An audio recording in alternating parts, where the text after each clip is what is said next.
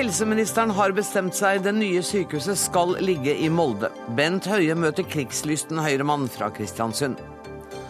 Voldtektsofre blir avvist av politiet når de vil anmelde. Saker blir henlagt og gjerningsmenn frifunnet av jury. Men Riksadvokaten fastholder at dette er et prioritert område.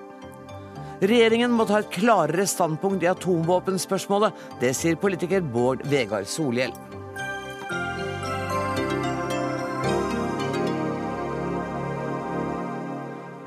Dette er Dagsnytt 18 denne siste fredagen før jul, der vi også skal møte mannen som er nominert til fem Golden Globe, inkludert prisen for beste film.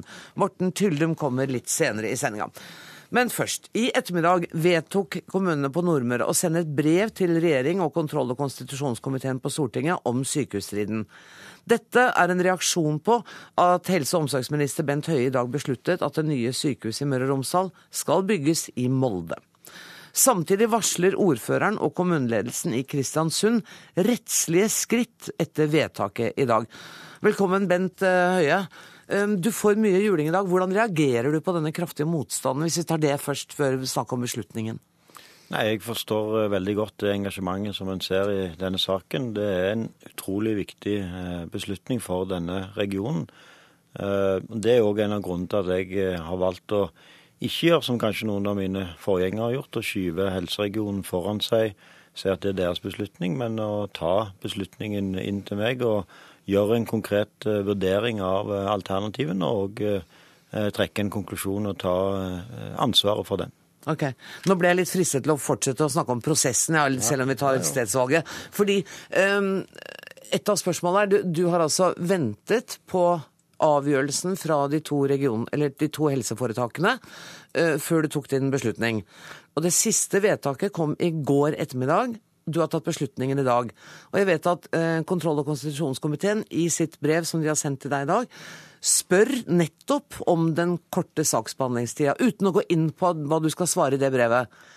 Er det forsvarlig å behandle en så viktig sak på under et døgn?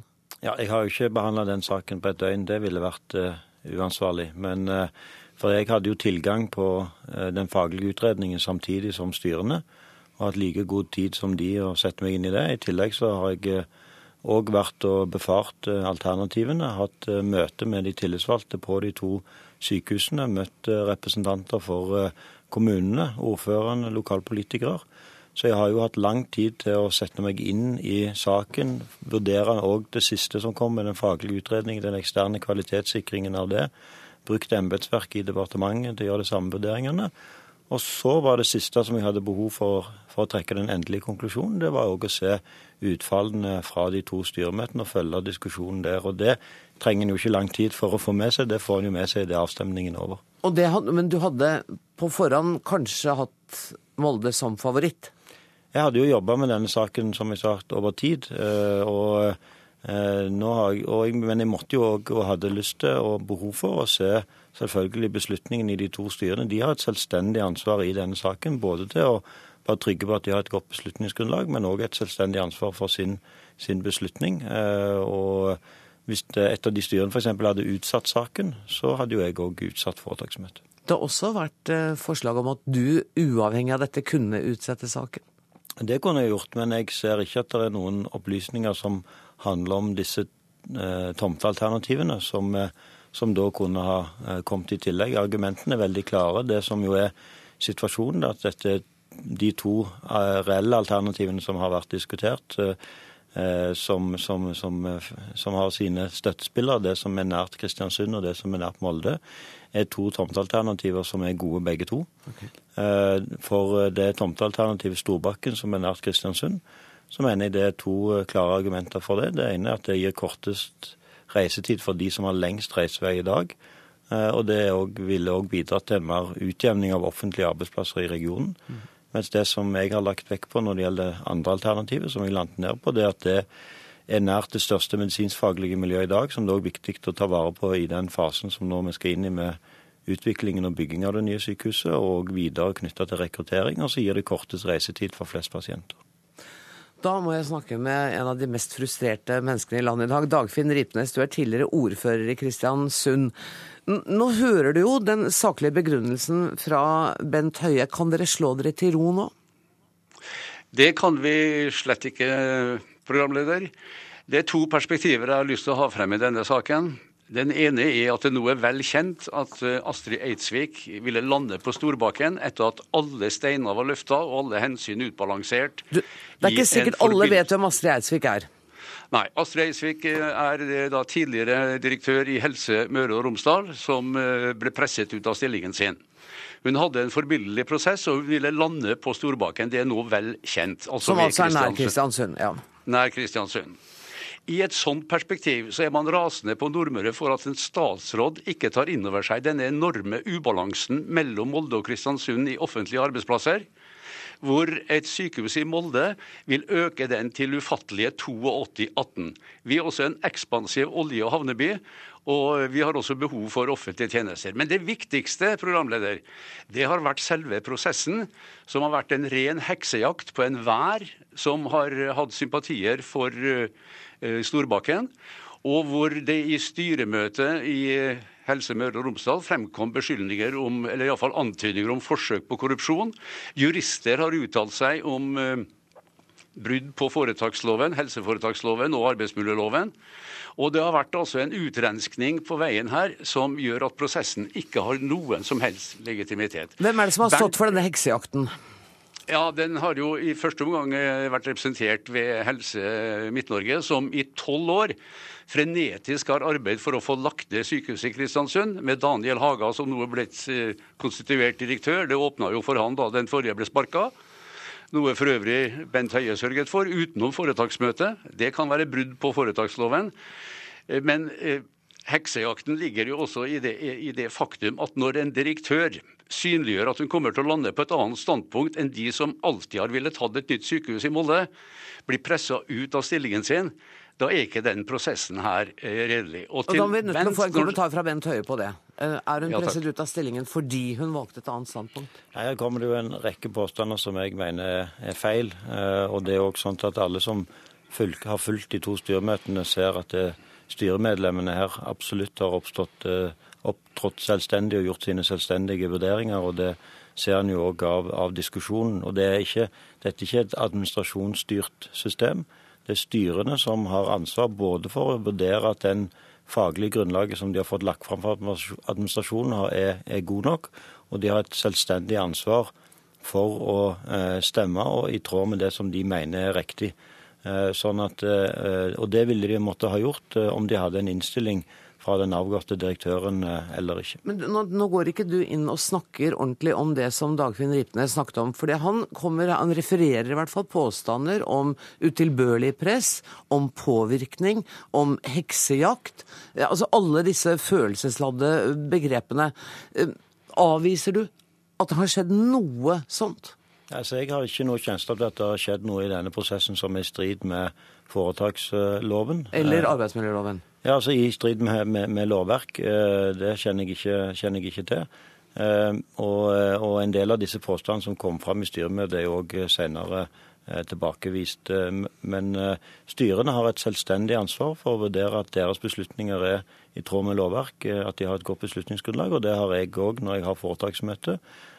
Og jeg mener at det er òg veldig tydelig når jeg som helseminister tar et ansvar for å trekke en konklusjon i en sak som har vart i i ti år. Altså det er ti år siden sist en helseminister satte i gang nye utredninger og nærmer seg en konklusjon i denne saken. Og Jeg eh, tror òg som brukerutvalget i Helse Møre og Romsdal òg eh, sier, det er nå på tide å trekke en konklusjon eh, om tomtevalg og komme videre. fordi pasientene i denne regionen kan bli skadelidende hvis denne striden får fortsette, og en ikke nå får samla seg om å faktisk bygge et nytt fremtidsretta moderne sykehus. Dagfinn Ripnes, er ikke du enig med helseministeren i det at hensynet til pasientene krever at nå blir det tatt en beslutning?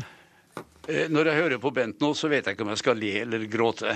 Det er iallfall en kjensgjerning at eh, Astrid Eidsvik, den tidligere direktøren, fikk mail fra styrelederen i Helse Møre og Romsdal, hvor han antydet at det kunne være lettere å forhandle frem en sluttpakke hvis hun ventet med å gå av til etter nyttår og ga en annen begrunnelse enn den hun hadde gitt selv til pressen etter hvert.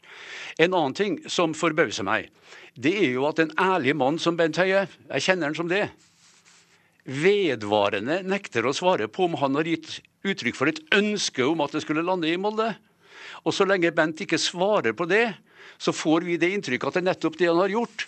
Og så sier han at han skal støtte seg på styrevedtakene, når de bare effektuerer det han allerede i utgangspunktet har bedt dem om å gjøre. Mm. Det er jo det han nå skal svare for i kontrollkomiteen i Stortinget. Nettopp, og Jeg tviler vi... på at han vil svare her i Dagsnytt 18, men vi prøver. Nei, det behøver, det, det behøver ikke. Men jo, men kan ikke jeg få lov å spørre ham, da?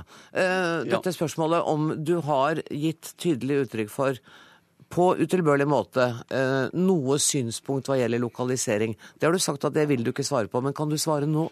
Jeg kommer til å svare kontroll- og konstitusjonskomiteen på det brevet som de har sendt til meg. Men der spør de om dette? Der spør de om det, og der kommer de få svar på det. Jeg syns dette er en god anledning når de har stilt disse spørsmålene for meg å, eh, å redegjøre nærmere for det. Men det kommer jeg selvfølgelig å gjøre til de eh, først, og ikke til, til, til pressen. Og når det gjelder... Altså Kravet til konfidensialitet som du har vist til tidligere når du har blitt spurt om dette, det gjelder ikke når det er kontroll- og konstitusjonskomiteen som spør? Det er selvfølgelig forskjell på når en journalist spør meg et spørsmål, og når kontroll- og konstitusjonskomiteen spør meg et spørsmål som har en helt klar oppgave i å kontrollere at jeg eh, opererer innenfor lovverket. De kommer til å få svar på Og vi kommer til å få vite det. Og svarene til kontroll- og konstitusjonskomiteen de er offentlige. Så så til, til påstanden eh, knytta til Eidsvik, så er det sånn at hun var jo selv ute etter styremøtet i Møre og Romsdal og sa at det ikke var en kobling mellom sluttpakken og de ulike tomtealternativene. Så det mener jeg ble jo tilbakevist eh, der. Siste ord er ja, det, det, ja. det, er riktig. Jeg må få lov å si at det er riktig. Men det Astrid Eidsvik sa, det var ikke knytta til tomtespørsmålet, men at hvis hun satt og ikke skapte uro til over nyttår, så ville det vært enklere å få en sluttpakke. Mm. Det sto vel ikke 'ikke si... skape uro', men det er noe så. Det sto at, ikke, at det var fint om hun satt i over nyttår. Vet dere hva, kjære venner, siste ord er ikke sagt, men jeg må si takk til dere i denne omgang. Dagfinn Ripnes fra Høyre, tidligere ordfører i Kristiansund, og helseminister Bent Høie. Inn i studio kommer nemlig to andre som også skal eh, snakke om dette. Det er Kjell Erik Nordensson Kalseth, som er kommentator i Klassekampen, og Magnus Takvam, som er politisk kommentator her i NRK. Jeg begynner med deg, Kjell Erik Nordensson Kalseth. Du er født i Kristiansund, regner deg som nordmøring. Og det preger nok kanskje kommentaren i avisa di i dag også. Du kaller sykehussaken en skandale. Det er et sterkt ord. Mm. Ja, det er en skandale på, på flere plan. Eh, som jeg føler jeg har litt innsikt i. fordi jeg har jo brukt eh, over halve barndommen min i Romsdal, mm. så jeg kjenner den regionen ganske godt. Men det er en skandale i sluttfasen gjennom behandling av den prosessen som har pågått, som Dagfinn Ripnes viste til her, som fjerna enhver legitimitet fra den beslutninga som er tatt i dag. Og det er helt forferdelig rart, syns jeg, at helseministeren ikke venta med med, med å fatte beslutninga, at han har fått avklart de her alvorlige beskyldningene som nå òg blir reist fra kontrollkomiteen på Stortinget. Han kunne ha ventet til kontroll- og konstitusjonskomiteen hadde behandlet uh, svaret hans før han hadde tatt en avgjørelse, er det det du sier? Selvsagt kunne han det. Selvsagt kunne han vente med å fatte beslutninger til en har fått avklart de beskyldningene som er kommet fram. Hva er det mest alvorlige i de beskyldningene som er kommet mot ham? Det mest alvorlige er jo eh, at Eh, en, det mest alvorlige beskyldninga er jo brudd på helseforetakslova. Mm. At her er beslutningene fatta i strid med lova, noe som ikke bare dem fra Nordmøre sier, men som også Norges fremste juridiske ekspertise på habilitet reiser spørsmål ved. Så han burde utsatt denne beslutninga, og ikke tatt den i dag. Men når helseministeren i studio her blankt avviser at det har foregått brudd på um, verken foretakslov eller arbeidsmiljølov, så må man jo tro at han også har snakket med sine juridiske fagfolk i departementet og kanskje i Lovavdelingen? Jo, det har han jo, det har han jo sagt at han har gjort. Men det vi ikke vet, er jo hva er det som skjedde forut for at eh, administrerende direktør i Helse Møre og Romsdal gikk av? Og hva var det som skjedde i oktober, da ledelsen, administrerende direktør og styreleder i Helse Midt-Norge, det overordna regionale helseforetaket, ble bytta ut? Eh, dette må vi jo få eh, belyst. Og det er helt åpenbart at det gjør jo at det sinnet og den frustrasjonen som er på Nordmøre, blir mye sterkere enn den ellers ville ha vært. Magnus Sakvam, politisk kommentator her i NRK. Hvorfor kunne ikke Bent Høie utsette denne sykehussaken? Han vurderte det sånn at dersom han gjorde det, så ville bare konfliktnivået økt ytterligere. Det er hans valg. Det kunne sikkert Jeg tror han også vurderte å uh, la det bero litt. Timeplanen var lagt før disse uh, tumultene og, og Astrid Eidsviks uh, av, plutselige avgang skjedde, så det løpet var på en måte lagt på forhånd. Men logisk sett så burde kanskje også da, hvis man først mener at han burde ventet, så burde kanskje de foregående styremøtene også ha ventet til man ryddet opp i, i hva som var fakta i, av disse påstandene. Men uansett så mener vel, uten å vite hva som er fakta her, så tror jeg at denne saken er tjent med at alle sider av den blir så godt belyst som mulig, og at kontrollkomiteen da i sitt arbeid bidrar til nettopp det, slik at eh, det blir luftet ordentlig ut, og at man ikke sitter igjen etterpå med en eh, usikkerhet om det har det foregått korrupsjon her? Har det vært mm. utilbørlig maktutøvelse her? Det må man jo på en måte få, få rydda opp i. Og der er kontrollkomiteen rette instans. De har jo sendt et brev til helseministeren i dag med eh, ti spørsmål. Hvor lenge er det rimelig å vente på svar fra helseministeren på dette? Nei, Jeg går ut fra at på nyåret i begynnelsen av januar så kommer det, det svaret. Eh, og eh, når det gjelder hans rolle her, så er jeg redd for at det ikke det kommer så mye mer konkret enn det.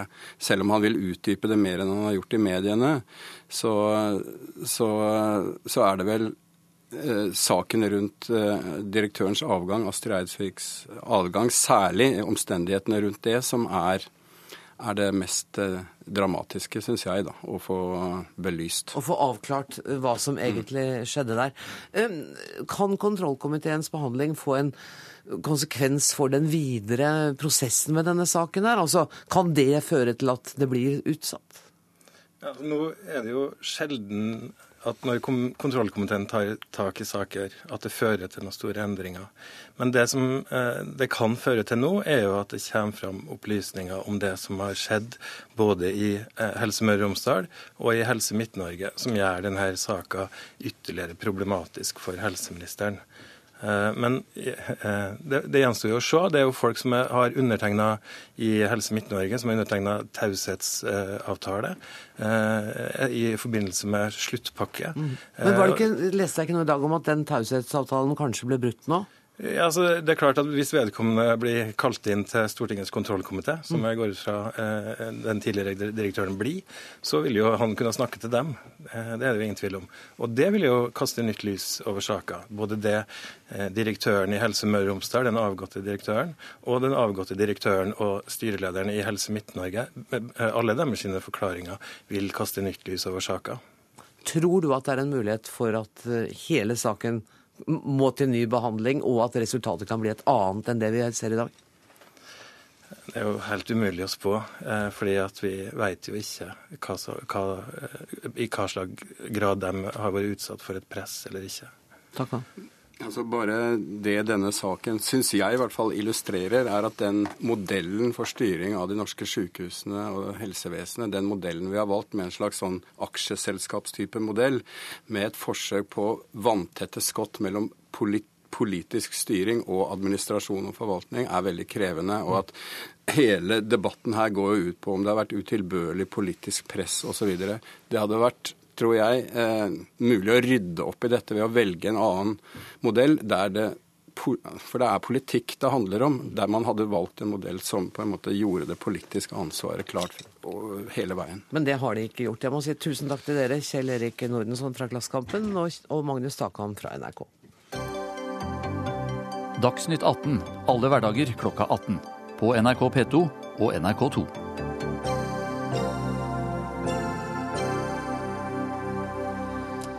Voldtektsofre opplever å bli avvist av politiet. Mange av sakene blir henlagt før det når rettsvesenet, og juryen frifinner hver tredje i voldtektssaker. I den siste tida har NRK dokumentert hvor lavt politi, påtalemyndighet og rettsvesen prioriterer slike saker. Riksadvokat Tor Axel Busch, er du overrasket over den svake rettstilstanden for voldsofre? Jeg er ikke helt enig i premissene dine. Det er eh, mye som går bra, og det er en del som ikke går bra i det hele tatt. Og i dag skal vi snakke om det som ikke går bra. Ok, men jeg må få legge til at vi ser en god del saker som er håndtert eh, veldig bra, og hvor vi har eh, gode resultater. Men det er klart, voldtektsofre som kommer til politiet skal ikke bli avvist. Her er vi krystallklare og har vært i mange år. Det er en enkeltfeil, skal ikke skje. Men det er ikke én enkeltfeil, for vi, vi, har snakket med flere, altså NRK har snakket med flere som har opplevd dette, og hvor politiet sier det er faktisk ikke noe vits i at du anmelder. Dels fordi det er for mange dager siden den påståtte voldtekten ble begått, og dels fordi at vi kommer til å henlegge. Jeg har sett på noen av de sakene, og det er til en viss grad uenighet av faktum. Det er i og for seg uinteressant. Når det oppleves slik av de fornærmede at de blir bedt om å komme tilbake, så har de fått en beskjed som de ikke skulle få. De skal tas imot, de skal håndteres ordentlig, med høflighet, og de skal få fortelle sin historie. Det er det ingen eh, tvil om. Så eh, vi må eh, være helt krystallklare på at vi skal altså ikke ha det slik. Og når sakene da kommer til retten, så, så leste jeg, og det nå er med forbehold, men jeg leste at en tredel av de sakene som havner for jury, eh, der blir det frifinnelse. Vi gjorde en undersøkelse over domfellelser i tingrett, altså hvor man var domfelt for voldtekt, og hvor de anket. Og i halvparten av de sakene hvor det var anke fra den domfelte fra tingretten, så ble det frifinnelse. Halvparten, ja. Eh, og det gjorde oss veldig urolig. I samme periode så førte ingen av påtalemyndighetens anker der hvor det var frifinnelse, frem. Så vi har jo reist spørsmål er juryen godt egnet til å treffe riktige avgjørelser i disse sakene som er veldig vanskelige. Og særlig så vil vi jo gjerne ha en begrunnelse for det resultatet som kommer, slik at man har en mulighet til å etterprøve og forstå hva avgjørelsen er bygget på. Så jeg har altså gjort meg til talsmann for at vi skal ha såkalt stor meddomsrett med en begrunnelse i eh, voldtektssakene. Men kunne man ha valgt den danske løsningen, hvor man har en juryordning, men med en begrunnelse? Ja, det kunne man. Men jeg er altså redd for at vi vil få en lang rekke opphevelser i Høyesterett pga. uklare domsgrunner, hvis vi velger den eh, varianten. Det stilles strenge krav til domsgrunnene. Dette er ganske vanskelig. Og uh, ingen er tjent med at vi får et system hvor vi får en lang rekke opphevelser og må begynne på nytt og på nytt og på nytt. Riksadvokatembetet har vært opptatt av vold eh, mot kvinner eh, siden, i hvert fall siden 2008. Eh, har, har, du hatt det på dagsorden?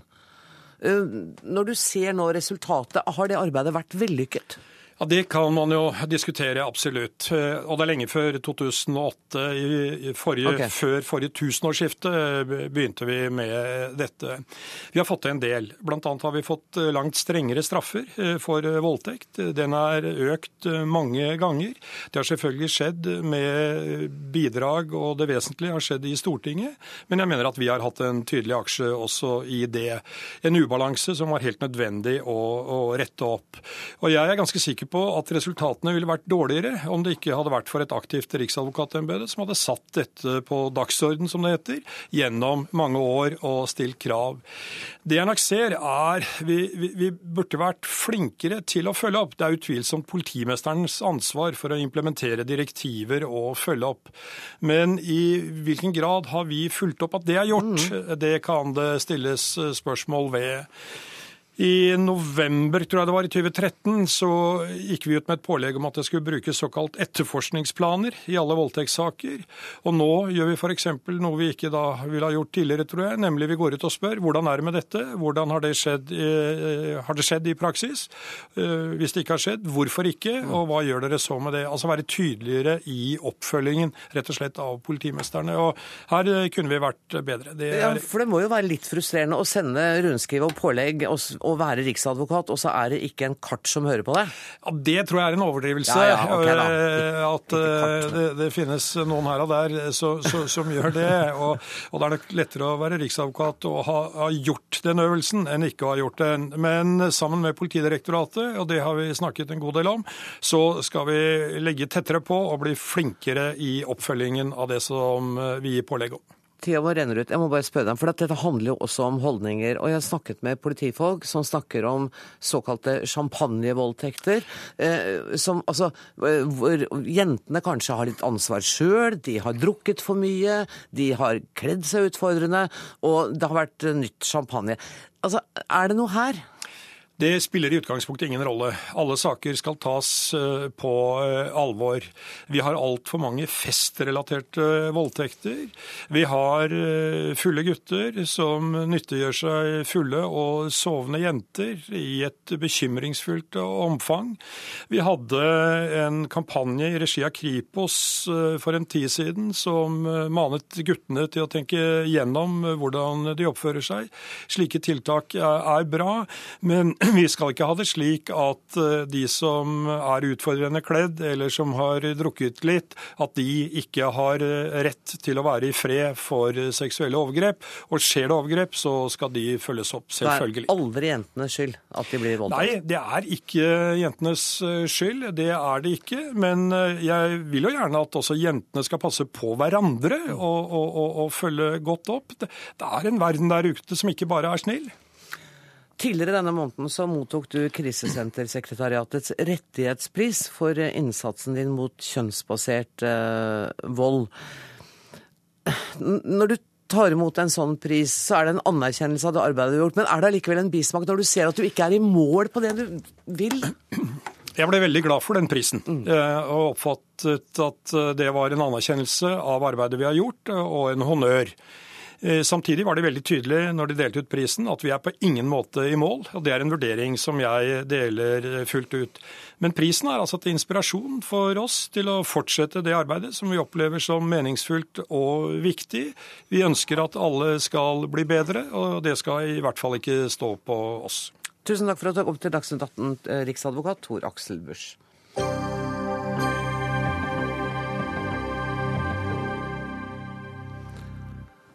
Så til kampen mot atomvåpen.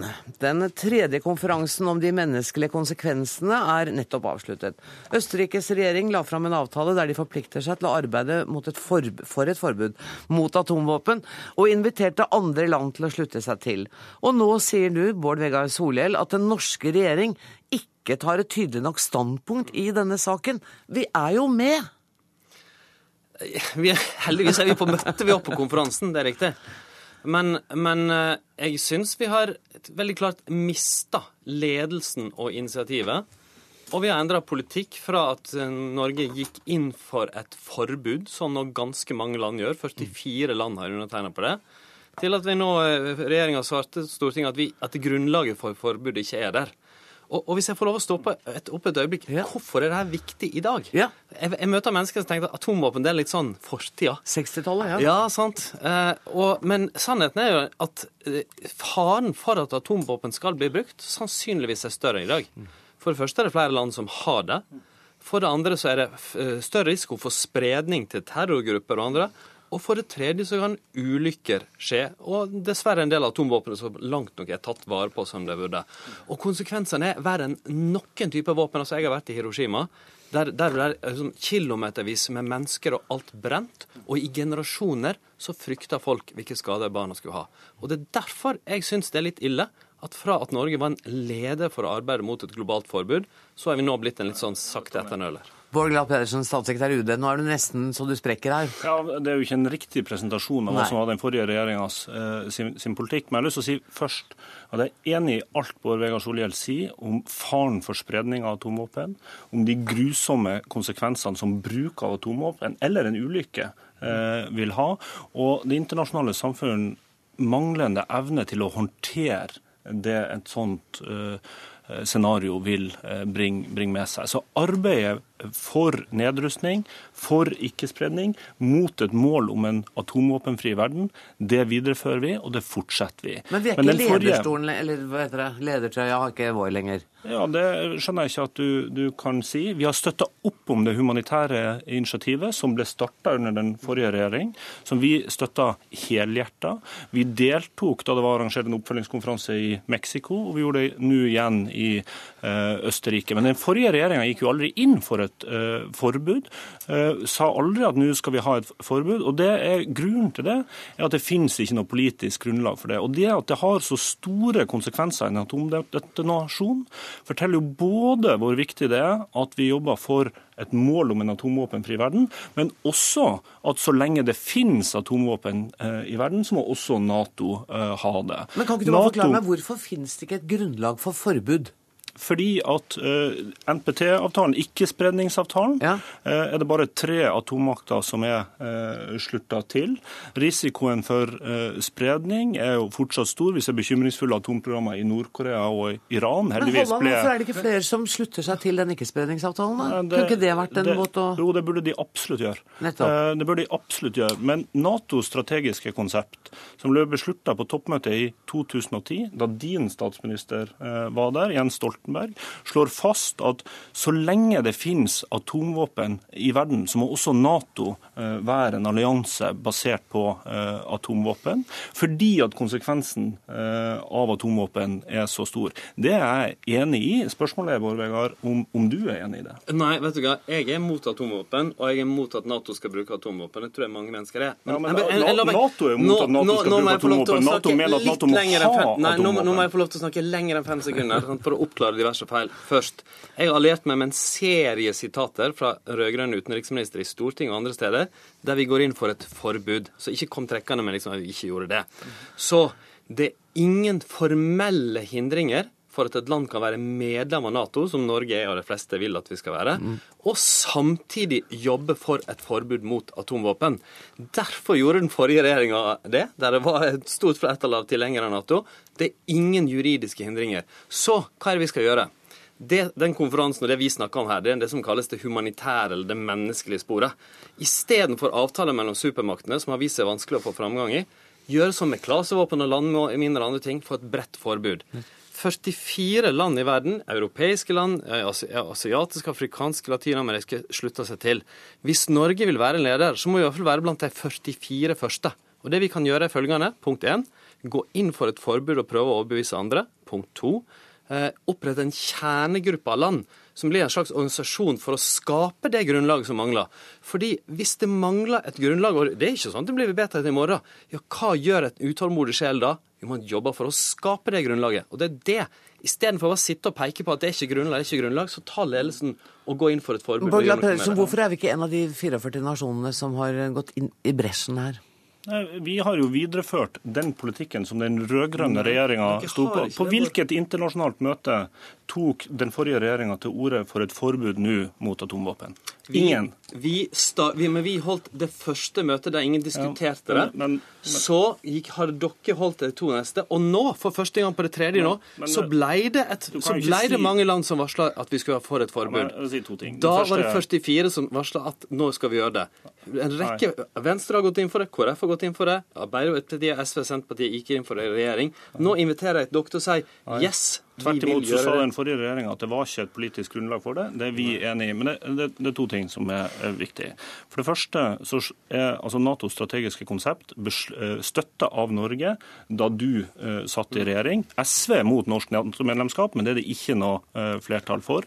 Det andre er at nå er neste tilsynskonferanse under ikkespredningsavtalen i april-mai uh, neste år. Det viktigste vi kan gjøre nå, er ikke å starte andre initiativer, men å bidra til at den konferansen bli så konstruktivt som mulig.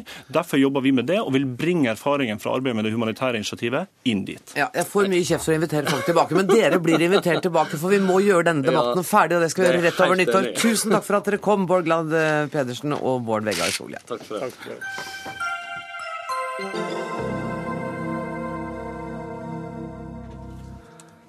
For uh, noen minutter, ja, drøy halvtime siden så fikk Stortingets kontroll- og konstitusjonskomité justisministerens svar på spørsmålene om asylbarna. Regjeringen har fått kritikk fordi veldig mange uh, lengeværende unge asylsøkere har vært årevis i Norge og er nå sendt ut av landet, til tross for at det var enighet om at det skulle komme politisk endring med hensyn til disse barna. Politiet fanget ikke opp at de ikke lenger skulle prioritere å sende ut denne gruppa, noe som fikk statsministeren til å skylde på dårlig politiledelse fra Stortingets talerstol. Alt dette fikk dere i kontroll- og konstitusjonskomiteen til å stille noen spørsmål. Abid Raja i Venstre. Har du hatt, jeg har ikke hatt tid til å lese, for det begynte, jeg fikk brevet to minutter før sending. Jeg håper du har hatt tid til å lese det. Å ja da, jeg har, eh, vi leser raskt, vet du. Er du, er du fornøyd? Eh, ja, så det er jo et brev som har kommet, og eh, vi har ikke fått vedleggene ennå. Så når de kommer, så skal vi gå veldig dypt inn i denne materien, for dette er veldig viktig materie. Men allerede nå så ser jeg jo at dette, det, dette er litt pinlig for statsråden. Han har jo satt seg i denne situasjonen selv ved å ikke raskt følge opp den avtalen han hadde med Venstre og KrF. Hadde han gjort det allerede i sommer, så hadde ikke han vært i den saksa han er i nå. Og så er han jo i en veldig pinlig situasjon akkurat nå, for han har vært i, i Stortinget og sagt at uh, politidirektøren ikke har fått med seg vårt tildelingsbrev, og det er å beklage, og det var eksempel på dårlig ledelse. Og så viser, seg, så viser, det seg, også at uh, de, uh, altså, politidirektøren sender jo da kopi av dette brevet som han har sendt nedover i sitt system, mm. også til justisministeren. Og nå viser det seg at justisministeren selv ikke har lest det brevet. Og nå sier han at eh, jo, dette brevet ble altså ikke lest av oss, eh, og at eh, nå skal vi gå gjennom våre rutiner for internkontroll. Så først har han vært og prekket på politidirektøren for ikke fått med seg tildelingsbrevet. Så viser det seg at han selv ikke har fått med seg den kopien han får fra direktøren. Dette er virkelig pinlig, altså.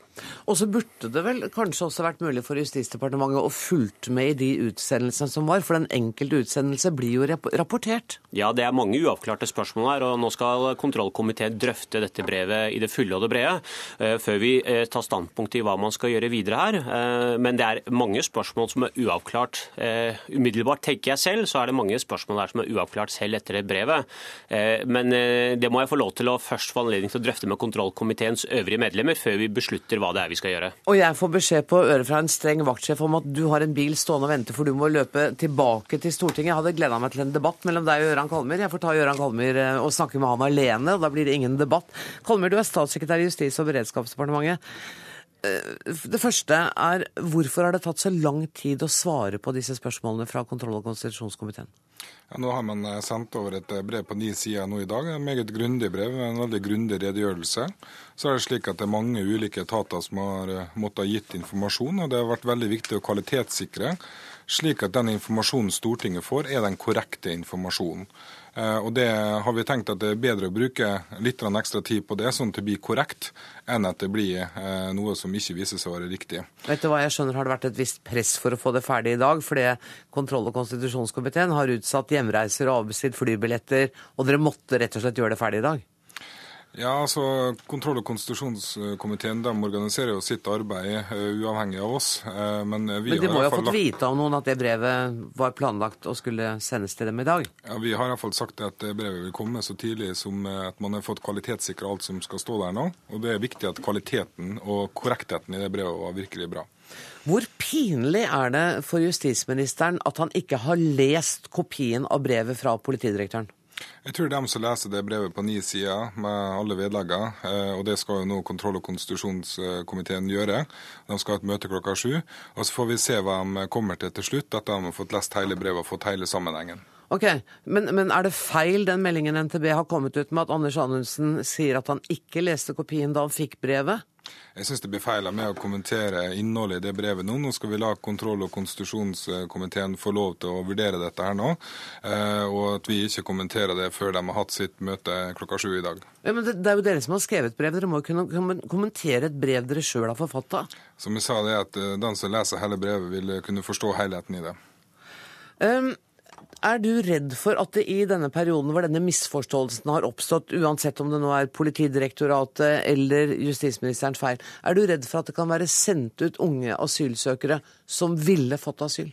Ja, Det blir kun spekulasjoner. Eh, fordi at eh, Hver enkelt sak må individuelt eh, behandles etter det gjeldende regelverket som til enhver tid gjelder. Og så er Det slik at det som er viktig å understreke her nå, det er jo at Venstre, og KrF, og Høyre og Fremskrittspartiet inngikk en samarbeidsavtale. I den samarbeidsavtalen så var det utarbeidet ganske detaljert hvordan en forskrift som skulle sendes på høring, ble utforma. Den ble sendt ut på høring i september, og det viste seg på høringssvaret at den ikke traff det man egentlig ville av politisk oppnåelse. Og da har man jobba ganske raskt etter september for å få justert den forskriftsteksten slik at man oppnår den politiske ønsket. Og Det har tatt litt tid, eh, men det har vært en viktig viktig prosess. Men, men, det å skulle oppfylle denne avtalen, det har man altså da ikke gjort siden eh, Politidirektoratet åpenbart har misforstått tildelingsbrevet fra Justisdepartementet. Ja. Så her må det jo ha gått litt fort i svingene, da? Altså, det Tildelingsbrevet var overhodet ikke en del av eh, selve eh, samarbeidsavtalen. Eh, det som lå i samarbeidsavtalen... Konsekvensen av det ble jo det som, det som, lå i samarbeidsavtalen, det var en forskrift man skulle lage i forhold til hvordan man skal regulere dette med hjem, lengeværende barn. Det har man sendt ut på høring slik som det ble avtalt mellom de partiene. Og det viste seg da at det var ikke godt nok for å oppnå en politisk intensjon. Det forstår jeg. Og Da måtte man ha litt mer tid til å faktisk vurdere hvordan man skulle skrive dette, slik at også de de rettsinstansene som skulle vurdere dette noe rettslig, eh, eh, faktisk gjorde slik som man politisk sett ønska. Men med all respekt, du snakker om noe annet nå. For jeg snakker om det som var bruddet, som viste seg å bli bruddet i avtalen mellom Venstre, KrF og regjeringspartiene. Fordi politiet ikke gjorde det som var den politiske intensjonen.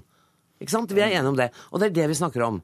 Ja, Nå er jeg ukjent med hvilket brudd du snakka om. Ja, altså Det Venstre og Kristelig Folkeparti har hisset seg oppover, er at politiet har sendt ut unger, uh, unge asylsøkere som har vært lenge i Norge.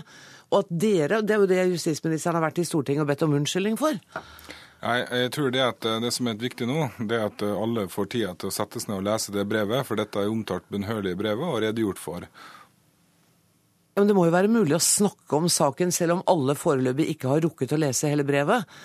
Altså, Hva gjør dere nå for å gjenopprette den kontrakten som dere har hatt med Venstre og Kristelig Folkeparti? Ja, det vi gjør nå er at vi har sendt over en meget grundig redegjørelse, som vi syns blir helt feil å gå inn i detaljer på med før kontroll- og konstitusjonskomiteen har fått muligheten til å gå gjennom det. Det er altså ni sider med ganske mange vedlegg som nå er sendt over til Stortinget. Og så vil vi nå avvente hva kontroll- og konstitusjonskomiteen kommer til før vi eh, kommenterer denne saken ytterligere. Da sier jeg tusen takk til deg, Gøran Kallemyr, statssekretær i Justisdepartementet. Og inn i studio kommer igjen Magnus Takvam, men denne gangen også med Frøy Gudbrandsen. Denne saken har fått eh, mye spalteplass, eh, også utenom den avisa som sparket i gang saken, nemlig Bergens Tidenes kommentator, og der er du, Frøy Gudbrandsen. Eh, du hørte denne samtalen nå. Har du rukket å lese svaret fra justisministeren til kontroll- og konstitusjonskomiteen? Ja, jeg har det. Jeg har ikke fått vedleggene. Nei, det er det ingen som har fått ennå, tror jeg. Men jeg har lest brevet, og det gjenstår jo noen spørsmål. En ting som ikke nevnes i det hele tatt i brevet, det er hvordan endret politiet arbeidet sitt etter at politikken ble endret. Da regjeringen bestemte at de lengeværende barna ikke lenger skulle prioriteres, men bare barn generelt, så var det en intensjon om at det skulle føre til en endring i politiets arbeid. Og ikke med ett ord så er det nevnt hvordan, eh, eller bekrefter på noe vis, at politiet faktisk endret arbeidet sitt. Det er det ene spørsmålet. Og det andre, ta, ja, ta, ja, ta rekka, du. Ja, altså Det nevnes uh, bl.a. i brevet at um, hadde politiet uh, prioritert de lengeværende barna, så kunne 49 flere lengeværende barn vært sendt ut. Men det er klart at det, man kunne jo alltid få sendt ut flere lengeværende barn. Men det som er spørsmålet, er hvordan politiet endret arbeidet. Og det som de gjør i brevet, da, at de sammenligner eh, perioden 2010 2013 eh, med 2014. Og det er en veldig sånn, gunstig sammenligningsperiode for Anundsen. Oh, ja. Men det er feil, fordi han må sammenligne perioden 20, eh, sammenligne 2013 med 2014. Fordi det var bare i 2013 at de lengeværende barna skulle prioriteres. Så han velger da et tidsrom, eh, 2010 til 2013, og sier at nå sendes det ut færre barn enn i den perioden. Mm. Men det er virkelig å trikse med tall. Eh, så eh, hvis du ser på Bruker de den riktige tidsperioden, så er det helt åpenbart at det nå sendes ut ikke bare flere barn, men en, eh, flere lengeværende, men en høyere andel lengeværende barn. Og regjeringen har vært helt klokkeklar på at den endrede politikken skulle ha konsekvenser. Det var en intensjon at, uh, at færre lengeværende barn skulle sendes ut, og det motsatte har altså skjedd. Mm. Det var en helt klar avtale mellom Venstre, Kristelig Folkeparti og de to regjeringspartiene at færre lengeværende barn skulle sendes ut? Altså, det, sånn, det, var regjeringen som tok den beslutningen. Altså, det var en slags liksom, vag enighet om at mm. de lengeværende ikke skulle prioriteres. Okay. Men, men, så det var regjeringens, på regjeringens initiativ at de endret det på denne måten. Da. Men, men da, da, denne saken kom opp, så la Erna Solberg mye av ansvaret for det som hadde skjedd, på politiet, og det gjorde hun fra Stortingets talerstol. Mm. Etter din vurdering, burde hun gjort det?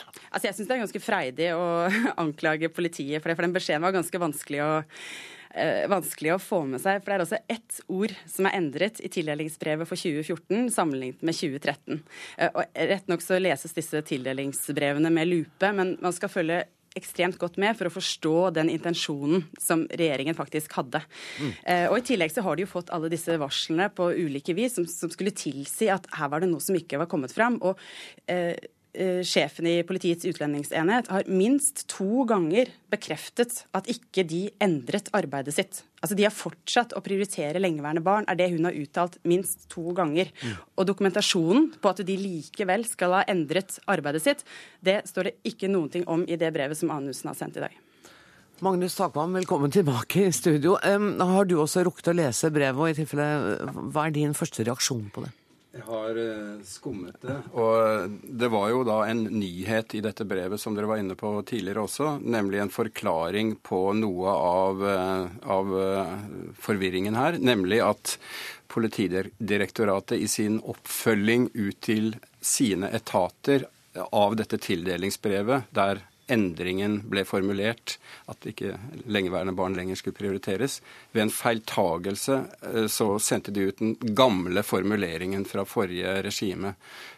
Eh, slik at da ble det på en måte gitt en feil eh, beskjed fra Politidirektoratet med kopi til justisministeren, som da overså det. Han registrerte ikke den, at det var gitt en feil beskjed fra Politidirektoratet.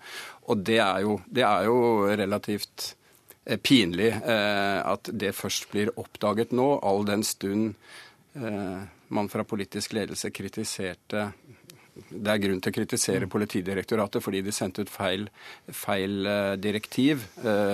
Men man burde da ha hatt såpass blikk på det at man selv så at oi, her, her har det gått ut en feil beskjed. Og Hadde det ikke vært for Bergens Tidende, så hadde det kanskje ikke vært oppdaget enda?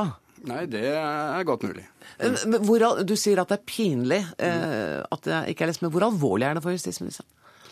Eh, det er en eh, jeg, jeg, tror ikke liksom eh, Venstre og KrF har nå Altså i, i, praksis så er det de som på en måte har hans skjebne litt eh, i, i sin hånd. Og jeg tror at det faktum at man eh, fikk til eh, en enighet om denne nye forskriften som skal gjelde framover, ja. om lengeværende barn. Da fikk de på en måte, slik de ser det, gjennomslag for en del av de politiske kravene sine. Det gjør nok at de, de eh, tror jeg ikke skjerper kritikken sånn at, at det virkelig brenner under Anundsen. Men jeg tror han er nødt til, til å på en måte ta en selvkritikk på denne siste uh, runden, runden Med at han ikke hadde lest brevet. Mm. Men, men, i studio her tidligere så hadde vi en ganske opprørt Abid Raja. Uh, men var det bare en, en, impulsiv reaksjon på brevet, tror du, siden du tror at de er ikke liksom ute etter justisministerens hode på et fat? Altså, dette er en viktig sak for Venstre og også for Abid Raja. sånn at de, de man, det, er et engasjement som, som, som, er der. Men jeg er enig i det Frøy Gudbrandsen fra Bergens Tidende var inne på, at det er vanskelig å lese ut av dette brevet hvor, hvordan eh, denne nye politikken med ikke å eh, spesielt prioritere lengeværende barn er blitt praktisert og, og gjennomført i politiet. Man, man sier Eh, bare at hadde den vært prioritert som tidligere, så ville rundt 50 barn ha kunnet blitt sendt ut. Men det, det tror jeg bare er en det, det, framstår bare som en sånn at man har bare telt opp i etterkant, og så Nettopp. definert det i etterkant, og at ikke det er et resultat av en, av en endret politikk. I hvert fall slik tolker jeg brevet. Eh, er du enig i den tolkningen, Frøy? Ja, øh, men jeg skulle gjerne lest disse vedleggene før jeg sa ja. ja men Eh, ja, definitivt. Eh, det som er litt interessant i dette her også, er jo forholdet mellom Erna Solberg og Anders Anundsen. Fordi en ting er at han eh, ja, beklaget og, og, på en måte også la skylden videre nedover i systemet, men, han, men, det var jo det statsministeren også gjorde. Og sånn som jeg har forstått det, så har ikke hun vært klar over all den informasjonen som har strømmet til Anders Anundsen. Og det er jo det som er det interessante her. Men jeg tror heller ikke at altså nå, et, nå, som den avtalen er kommet på plass, så, så er det, det politiske betydningen er ikke fullt så stor som den eh, kunne vært. Men det er jo en, er jo en alvorlig sak. Og, og, sånn som de, den, de partiene som nå er i regjering, har kritisert Arbeiderpartiet for manglende styring og manglende mm. kontroll over politiet. Og nå, nå, er det jo dårlig styring uh, helt åpenbart i denne saken her. Så det, det bør jo svi lite grann. Magnus snakka om dette med at eh, statsministeren kanskje ikke har fått tilgang til all den informasjonen som justisministeren har hatt. Eh, hvor alvorlig er det? Jeg tror nok, eh, uten at jeg vet det og har fått bekreftet det, så tolker jeg den, den grundige gjennomgangen som er nå, slik at statsministeren nok ville ha et øye på det som nå ble sendt ut, for å forsikre seg at, at, at all informasjon kom riktig fram. Og jeg, jeg jeg innbiller meg Altså, jeg tror at det, det kan sikkert ha vært uh, på en måte en, Det er irriterende for en statsminister å, få, å, å, å kunne bli kritisert for å ha sagt uh, ufullstendige ting fra talerstolen når det baserer seg på upresis informasjon fra en statsråd, hvis det er tilfellet. Så det, det, det, er ikke noe særlig bra. Så dette brevet har vært innom statsministerens kontor? Det er jeg helt overbevist om. Tusen takk skal dere ha, Frøy Gudbrandsen og Magnus Takvam, henholdsvis fra Bergens Tidende og NRK.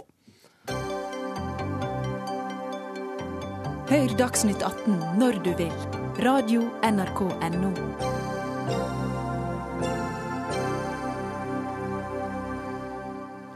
Da skal vi til filmen The Imitation Game av Morten Tyldum.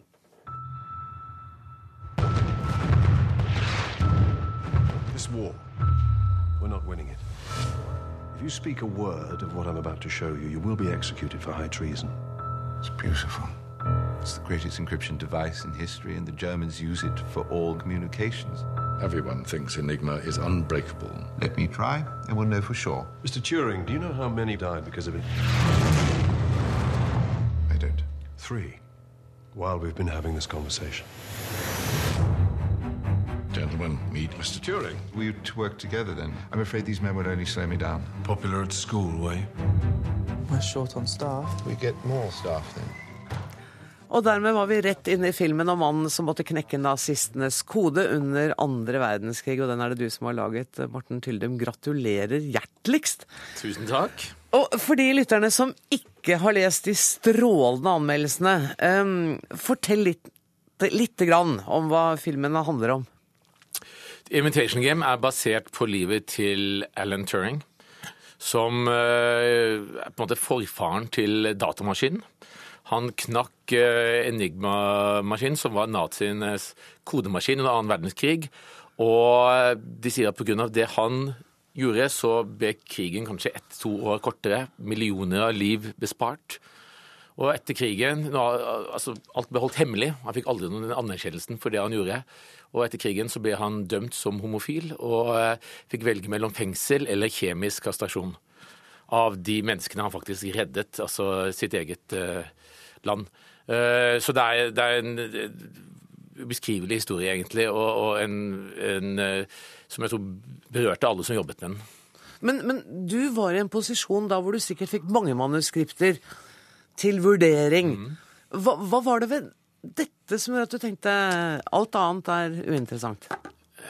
Det er, først er jeg veldig berørt av historien, og jeg føler at det er en veldig viktig historie. Det er en, som, det er en historie som, som skal hylle det å være annerledes. Mm. Hvor viktig det er at ikke alle er normale, at vi ikke alle tenker det samme. At uh, vi ikke trenger å passe inn, vi trenger ikke være like. Altså Erlend Trangen var en veldig unik Altså, et slags outsider som, som, som, som, fordi at han var det, klarte å tenke helt nye, fantastiske, originale tanker. Og uh, det er det, og så er det det at, den, at han var så lite kjent. Altså Jeg mm. trodde jeg kunne historie, men det var så mye jeg ikke visste. Og jeg var sjokkert at hvorfor er ikke denne mannen på forsiden av historieboken min jeg var på skole? liksom. Det, det er en, så, en, av de store tenkerne i dette århundret som på en måte er liksom skubbet ut i skyggen og nesten utvisket fra historien. Men, men nå kommer han jo dit. Eh, mhm. Takket være din film, så blir, blir han jo alle, vår alles eie. Og du, eh, det er Benedict Cumberbatch som spiller. Mm. Hvorfor valgte du ham? Eh, fantastisk skuespiller. og det er, det er, noe, altså Jeg ville lage en så kompleks karakter, for Alan Turing er så kompleks. Han er så sammensatt og så Altså en så smart og så dedikert, men likevel så, så uh, utilpass og, og, og, og merkelig og veldig sånn, fungerte ikke så bra sosialt. Og likevel så ønsker vi å lage den derre geniklisjeen. Mm. Og Benedict er en skuespiller som klarer nettopp å, å, å fremstille karakterer som ikke du helt klarer å definere. Han gjør det jo i Sherlock også. Ja, ja men det er, det, er noe, det, er noe, det er, noe, mystisk. Det er, noe, det er noe flerdimensjonalt og noe litt spennende med de karakterene. hans. Og det har vært et fantastisk samarbeid å jobbe med Benedict med den karakteren. Og, har det vært gøy?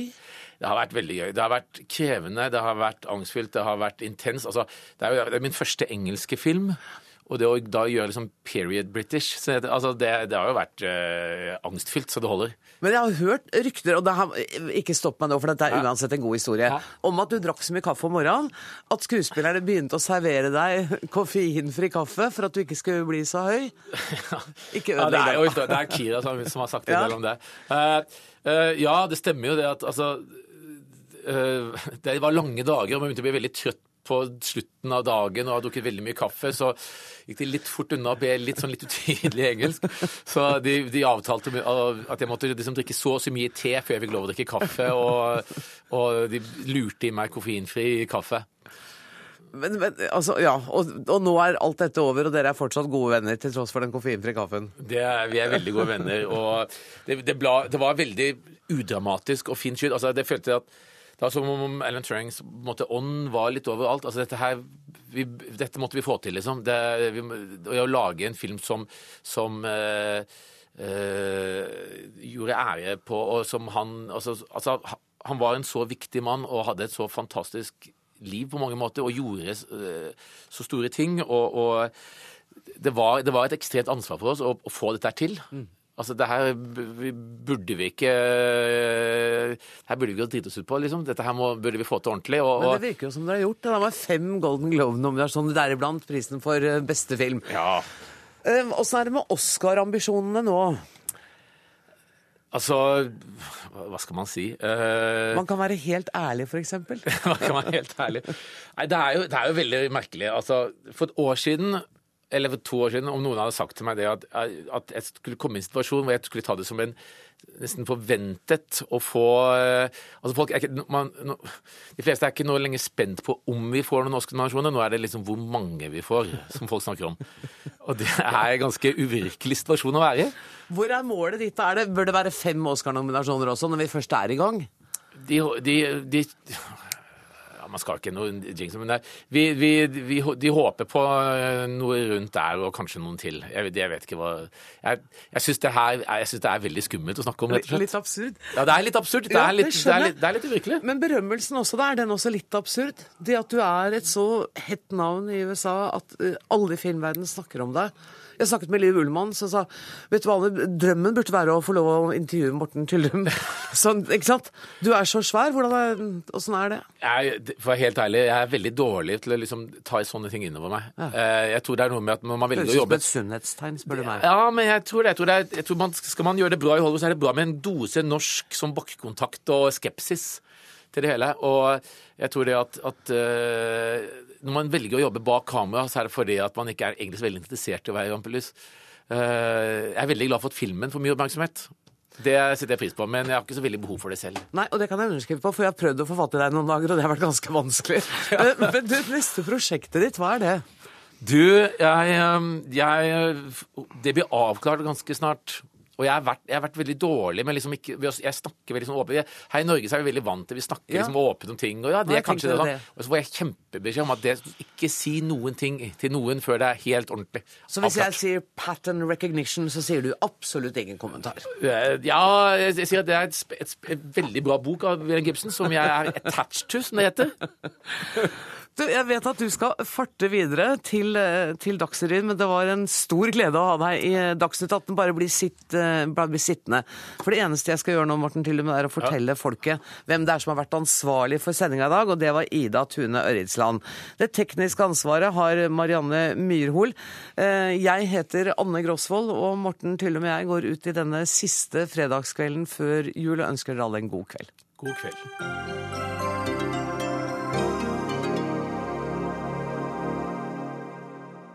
Hør flere podkaster på nrk.no podkast.